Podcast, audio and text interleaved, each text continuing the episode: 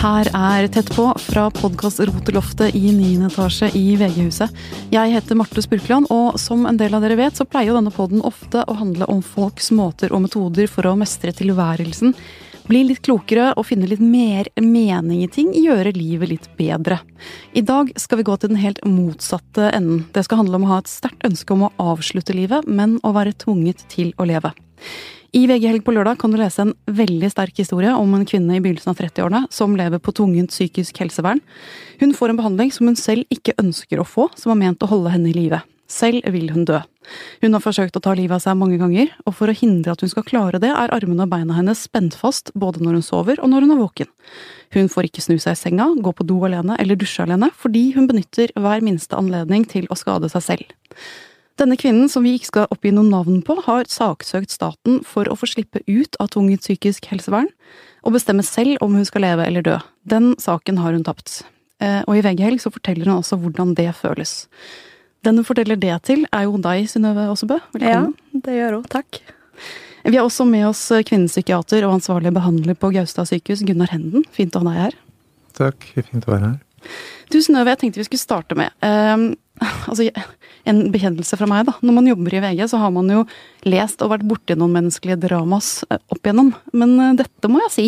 Det var liksom vanskelig å holde fortvilelsen unna da jeg leste teksten din. Det må ha vært veldig sterkt å jobbe? Ja.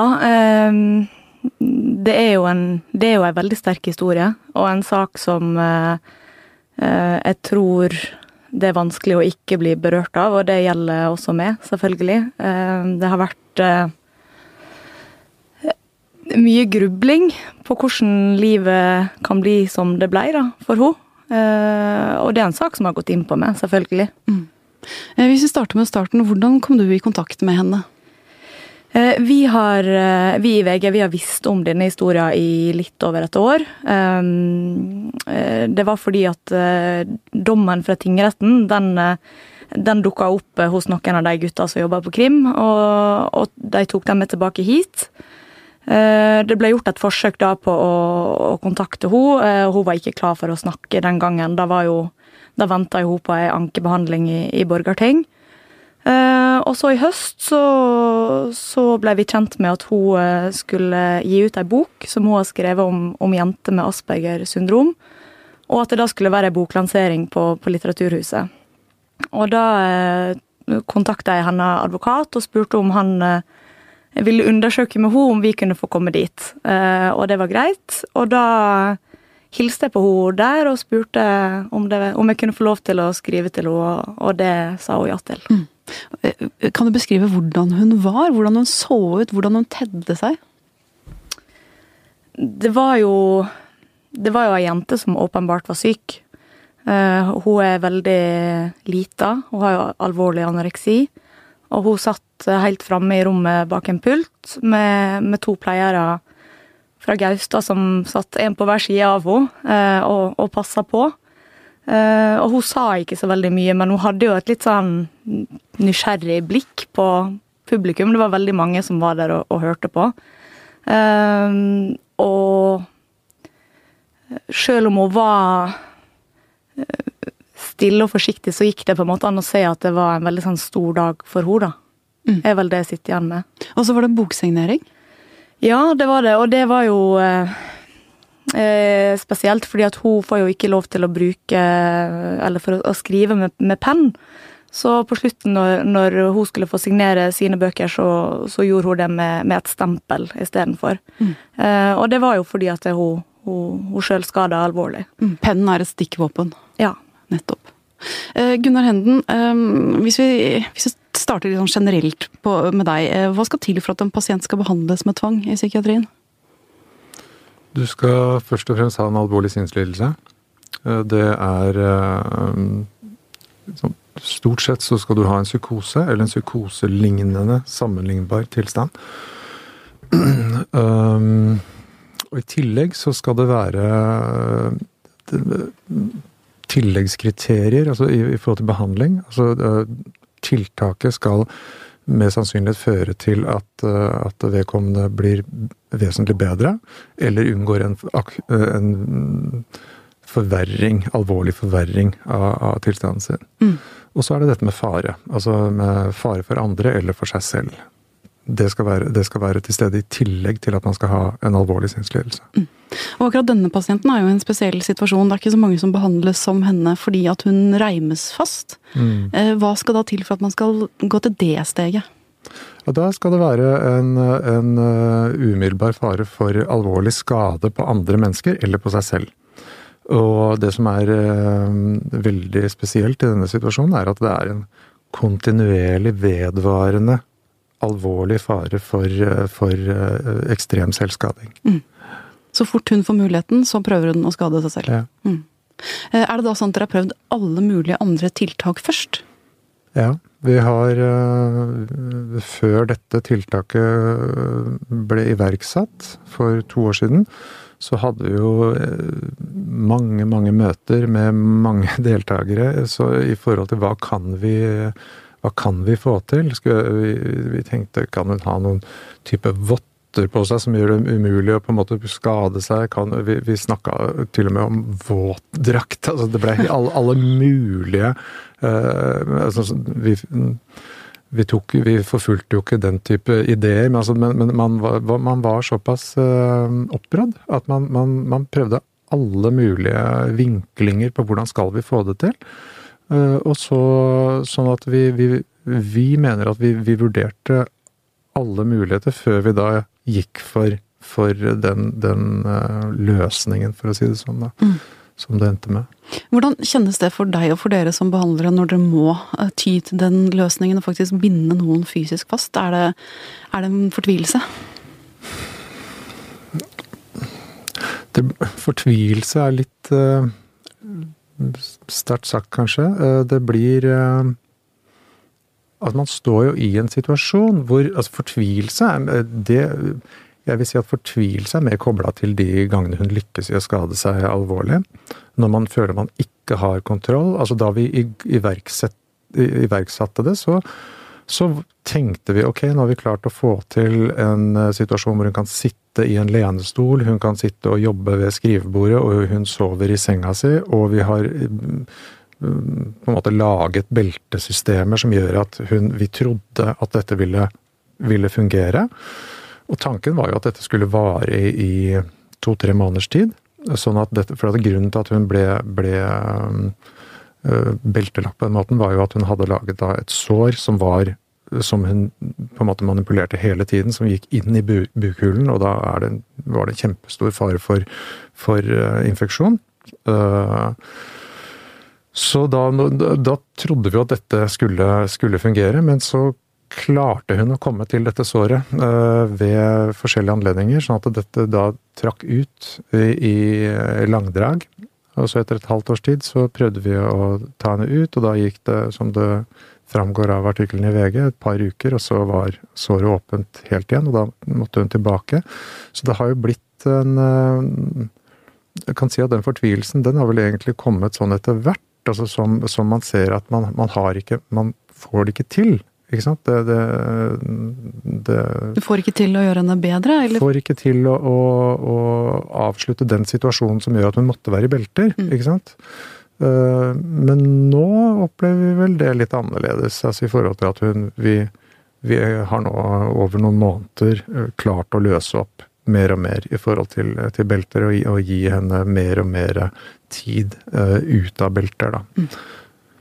Eh, fra denne situasjonen Synnøve, hvor hun da lever mer eller mindre i belter og, og overvåkes, så skriver hun også mail. Eh, mm. Hun er en kreativ type, og hun har et formidlingsbehov. Og hun har henvendt seg til deg så mye som 250 mailer. Hva er det hun skriver om? Det er mye forskjellig. Jeg har jo stilt henne mange spørsmål, selvfølgelig. Dette har jo vært et, som et veldig langt mailintervju i starten. Eh, og hun eh, Jeg vil jo si at hun eh, skriver fantastisk godt, og utrolig flink til å ordlegge seg. og har en, liksom sin egen stil da, på, på sine tekster. så i tillegg til at hun har, har, svart på mine spørsmål, så har hun jo også skrevet om, om sine dager, om, om, hva som gjør hun redd. Hun har skrevet inngående om, om hvordan hun skada seg, om at hun har forsøkt å ta livet sitt den natta. Um, eller at hun har sett på Broen, som hun så på i vinter. Så altså, det, er, det er på en måte alt mulig. Uh, men et sånn gjennomgående tema for alle mailene er jo dette underliggende ønsket om å ikke være i denne verden. Mm. Men hun skriver at hun blir redd, sier du. Har du vært redd også? Altså Har du tenkt på hva om det ikke kommer en mail, en neste mail? Hva om det jeg sier til henne nå påvirker henne i en eller annen retning? Ja. Eh, I starten så var jeg nok litt redd for å pushe henne for mye. Eller jeg var, jeg var litt sånn Det var vanskelig å vite hva var greit å spørre om, og hva var ikke greit å spørre om. Eh, men eh, jeg opplevde at vi kunne ha en dialog om det, og vi gjorde på en måte en avtale om at hvis jeg jeg spurte om noe som ikke var greit, så, så var det lov å si nei. Og vi har hatt veldig sånne tydelige avtaler hele veien. Uh, hun er jo en person som Det sa hun veldig tidlig, at hun er avhengig av å ha forutsigbarhet. Så hvis jeg sier at um, jeg skal skrive til deg tirsdag klokka tre, liksom, da venter hun en mail tirsdag klokka tre. Og hvis den ikke kommer da, så blir hun, da blir hun lei seg eller usikker. og um, har da kanskje vært Hvis jeg har vært litt treig, så har hun vært redd for at jeg skulle avslutte kontakta, eller ja. Mm. Eh, og så er det vel også sånn at hun Du ga deg selv et løfte på et tidspunkt om at du skulle være helt ærlig med henne. Ja. Eh, det er jo egentlig et sterkt ønske å, å, gi, for det betyr at hun kan stille deg alle slags spørsmål, og du må svare helt oppriktig på dem. Ja, og det, var, altså, det er jo ikke sånn at jeg vanligvis ikke er ærlig, men eh, det som er litt spesielt med hun som intervjuobjekt, er at hun har stilt med mange vanskelige spørsmål tilbake. Eh, jeg tror jeg skal være forsiktig med å tolke henne, men jeg, jeg føler at hun har kanskje prøvd å utfordre meg litt på eh, på mitt syn, da, kanskje, på, på, den situasjonen hun er i. Om du mener at hun skal dø eller leve, rett og slett? Ja, det har hun spurt om. Mm. Eh, eller om jeg forstår at hun har lyst til å dø. Eh, og så er det også veldig mange ting som jeg ikke har kunnet gitt noe svar på, eh, fordi at det, det, er mye med hun som jeg ikke forstår, og da da har jeg tenkt at jeg må nødt til å være ærlig med henne og si at eh, jeg, jeg skjønner at du har det vondt, men jeg forstår ikke eh, hvorfor du har, har, gjort som du har gjort i dag, eller hvorfor eh, Men jeg, jeg, prøver å forstå. Mm. Eh, og jeg opplevde at hun har satt veldig pris på, på den ærligheten, da. Eh, eh, I at dette her er Hun skjønner nok at dette her er vanskelig å forstå for noen som kommer utenfra. Vi skal ikke oppgi så mange detaljer om henne, men, men Gunnar, vi skriver jo i saken, eller Synnøve skriver i saken at hun er intelligent, eh, og at hun har et sett med diagnoser. Kan du fortelle litt mer om de diagnosene og den dobbeltheten som er i henne? Hun uh, har tre diagnoser. Anoreksi, det er helt åpenbart. Hun er veldig, veldig underernært. Spiser veldig lite. Eh, og så har hun Aspergers syndrom eh, og en, eh, en emosjonelt ustabil personlighetsforstyrrelse. Liksom kort skissert i forhold til Asperger, Aspergers syndrom. Det blir, det, så er det mange som lever med det. Altså som, og, og, veldig mange med Aspergers syndrom har, har veldig sånn spesielle evner. For det, knytta til skriving, data, øh, matematikk altså jeg Skal ikke generalisere her, men, men som, klar, som, kan ha helt, øh, helt øh, Som klarer livene sine. Fungerer privat og i arbeidslivet og sånn, med selvfølgelig utfordringer. Det som blir Altså, du kan si at det med, med denne emosjonelt ustabile personlighetsforstyrrelsen, den, den, er nok knyttet til det å ha vokst opp med asperger. Altså med, hvor det å forstå koder, sosialt samspill med andre, det er veldig, veldig vanskelig. Og så er det jo liksom noe man sier om, særlig om jenter med asperger, at de er, de er mye mer stille, de utagerer ikke frustrasjonen sin. Sånn har det også vært med, med henne, at hun har har, eh, som hun sier, gått rundt og smilt. Eh, og på skolen hatt en strategi hvor hun alltid har vært på vei et eller annet sted. Så folk har trodd at hun har vært opptatt, og liksom kamuflert uh, mye av det hun har slitt med. Da. Uh, sånn at uh, hun har da gjennom oppveksten, uten at noen har fanget opp, så har hun vært veldig, veldig isolert. Uh, og at det gjør noe med uh, relasjonsevnen din, uh, sårbarheten, krenkbarhet. Det, det, er åpenbart. Og, men da blir det Da blir det nettopp denne, denne dobbeltheten, på en måte, som altså, Jeg veit ikke hvordan jeg skal si det. Det, det på en måte både forsterker hverandre. Øh, reaksjonene hennes, pluss at hun har en, no, noen forståelsesmåter som altså Hvis jeg kan si én ting, det, så kan hun oppleve det som en, et oppdrag om å skade seg, uten at jeg har skjønt noe som helst av at det er det jeg har øh, vært øh, innom. Mm. Uh, og samtidig, hvis det er et eller annet som nå er hun ganske romslig i forhold til meg. Jeg kan misforstå nok mer enn flere, flere andre, men hvis noe går galt, altså noe blir sagt feil, satt øh, på feil sted, sånne ting, så kan det være noe med hennes rigiditet som er knytta mer til Asperger-problematikken. Men så kan du på en måte legge til en slags øh, sårbarhet, eksplosivitet rundt det at hun reagerer på det, som er mer i mer i dette emosjonelt ustabile. Så det blir, det blir veldig sånn Og det, det, er veldig vanskelig å på en måte finne et ståsted som behandler, da, mm. som terapeut, i det. Uh, og det er veldig vanskelig for henne å, å på en måte finne strategier uh, for å løse både vanskelige følelser og, og utfordringer i forhold til andre mennesker. Og, og det blir veldig komplisert for alle. Eh, er det, går det ei kule varmt noen ganger? Altså utagerer hun? Eh, kan hun bli så sint? Du sa eksplosiv. Er det faktisk ting som da slenges i veggen? Ja, ja. Det gjør det. Mm. Uh, og det kan gå utover uh, Eller i perioder har det gått utover personalet flere ganger daglig. Så det, det, det skjer regelmessig. Mm. Det at hun har et så sterkt ønske om å slutte livet sitt, altså dere som behandlere prøver da å hjelpe henne til det motsatte, og, mm. og ikke gjøre det som hun aller mest vil. Mm. Eh, hva er bakgrunnen for det?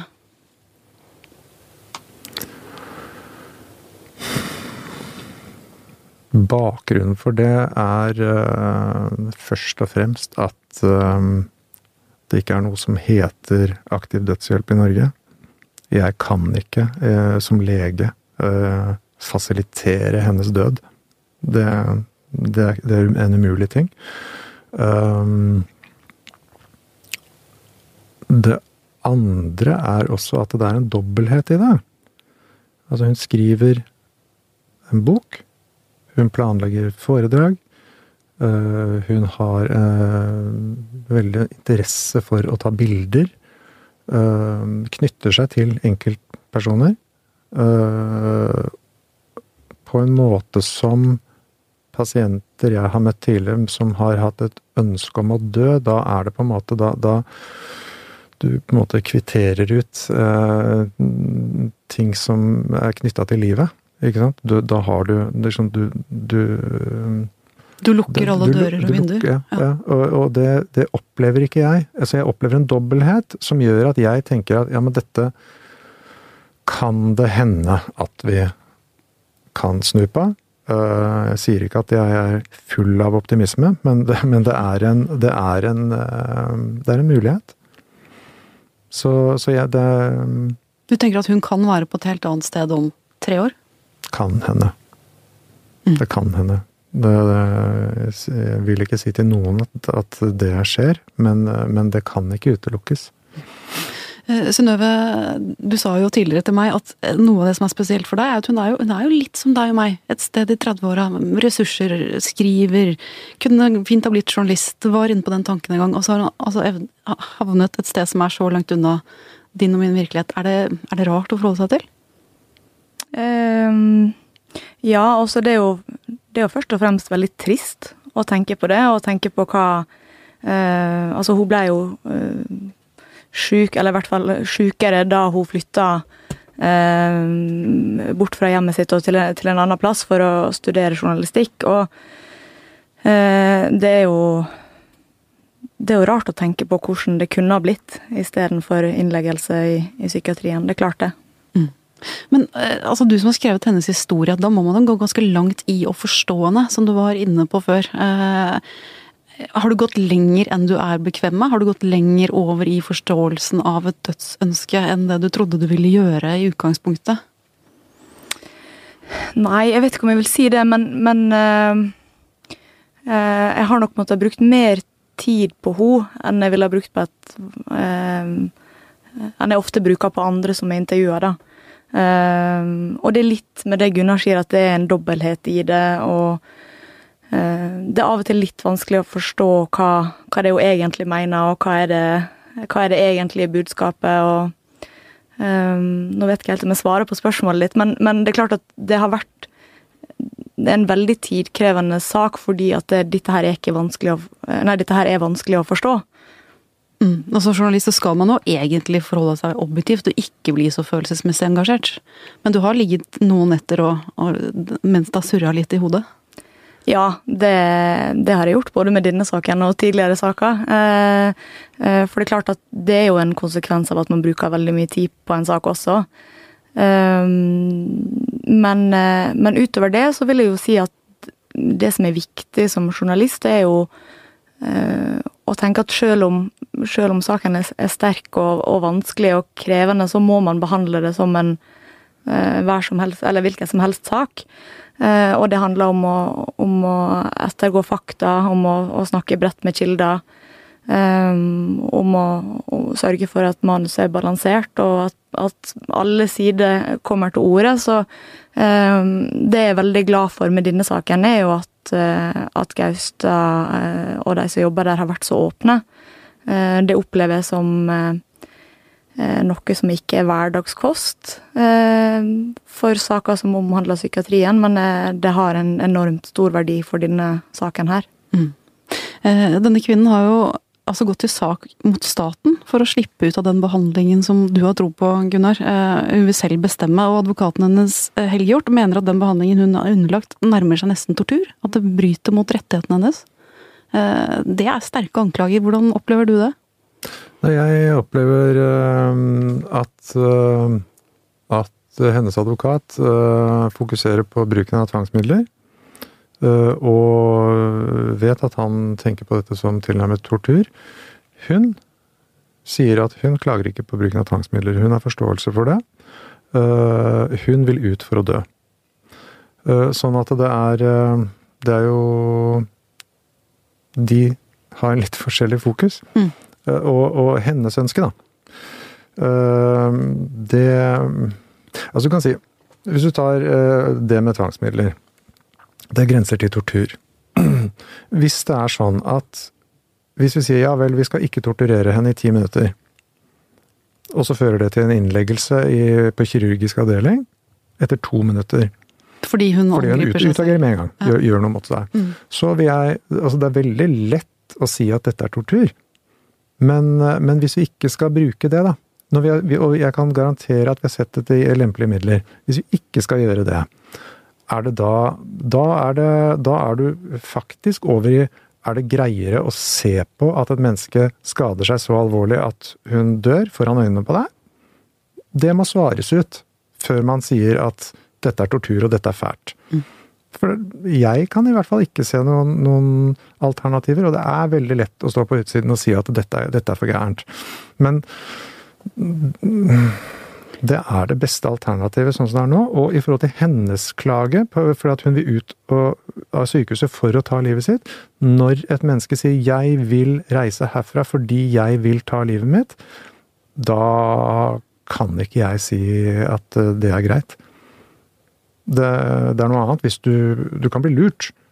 Noen, eh, man kan Har du et veldig sterkt dødsønske, så kan du på en måte fake at du er blitt mye bedre, og at du har mye bedre tanke. Så får du til en utskrivelse, og så, og så får, uh, får, jeg beskjed dagen etter at vedkommende tok livet av seg etter utskrivelse. Mm. Uh, det, det, sånt skjer, at man, at man gjør feilvurderinger eller uh, Men her, hvis du får et tydelig altså Verken jeg eller domstolene eller noen, sånn som lovverket er i dag, kan si at, at uh, vi skriver deg ut fordi at du har tenkt å ta livet ditt. Ja, men ok, lykke til. Altså, det går ikke. Så begge, begge innfallsvinklene til den saken der, det tenker jeg er det er, veldig, det er veldig lett for meg å forholde meg til de anklagene. Mm. Men eh, det er jo flere som har kritisert Norge, eh, ikke for denne saken, men generelt. Altså FN og Europarådet har flere ganger sagt at Norge bruker tvangsmidler i større grad enn andre i psykiatrien. Eh, mm. Stemmer det? Altså, er det da greiere å si ja vel, du vil reise ut og ta livet ditt i et annet land eller et annet samfunn enn det norske? Det, det, vet jeg ikke noe men det, det, høres rart ut. Men, og jeg vet ikke i detalj hvordan, hvordan, hvordan det er, men jeg tror det er noe med at veldig mange av de som vi behandler i psykiatrien i Norge, de er i fengselsvesenet i andre land. Eh, sånn at det er noe som ikke er helt sånn sammenlignbart i forhold til bruk av tvangsmidler. Jeg har eh, vært eh, ganske mange år på overlege på akuttavdeling, og så har jeg vært nå, en del år på sikkerhetsavdeling. Og jeg, jeg vet at, at unødig bruk av tvang, det, det er ekstremt sjelden. Altså, Er sånn, det, vi, vi, har innebygget i oss at det er ikke ålreit å legge folk i belter. Det er kjempelite ålreit. Og har vi muligheten til å ta dem ut av belter, så tar vi dem ut av belter så fort vi kan. Mm. Så det, det ja. Denne saken her koker jo ned til, til ett stort spørsmål. Det er jo hvem, hvem, bestemmer over et liv? Hvem skal bestemme over et liv? Uh, har du gjort deg noen refleksjoner rundt det, Synnøve?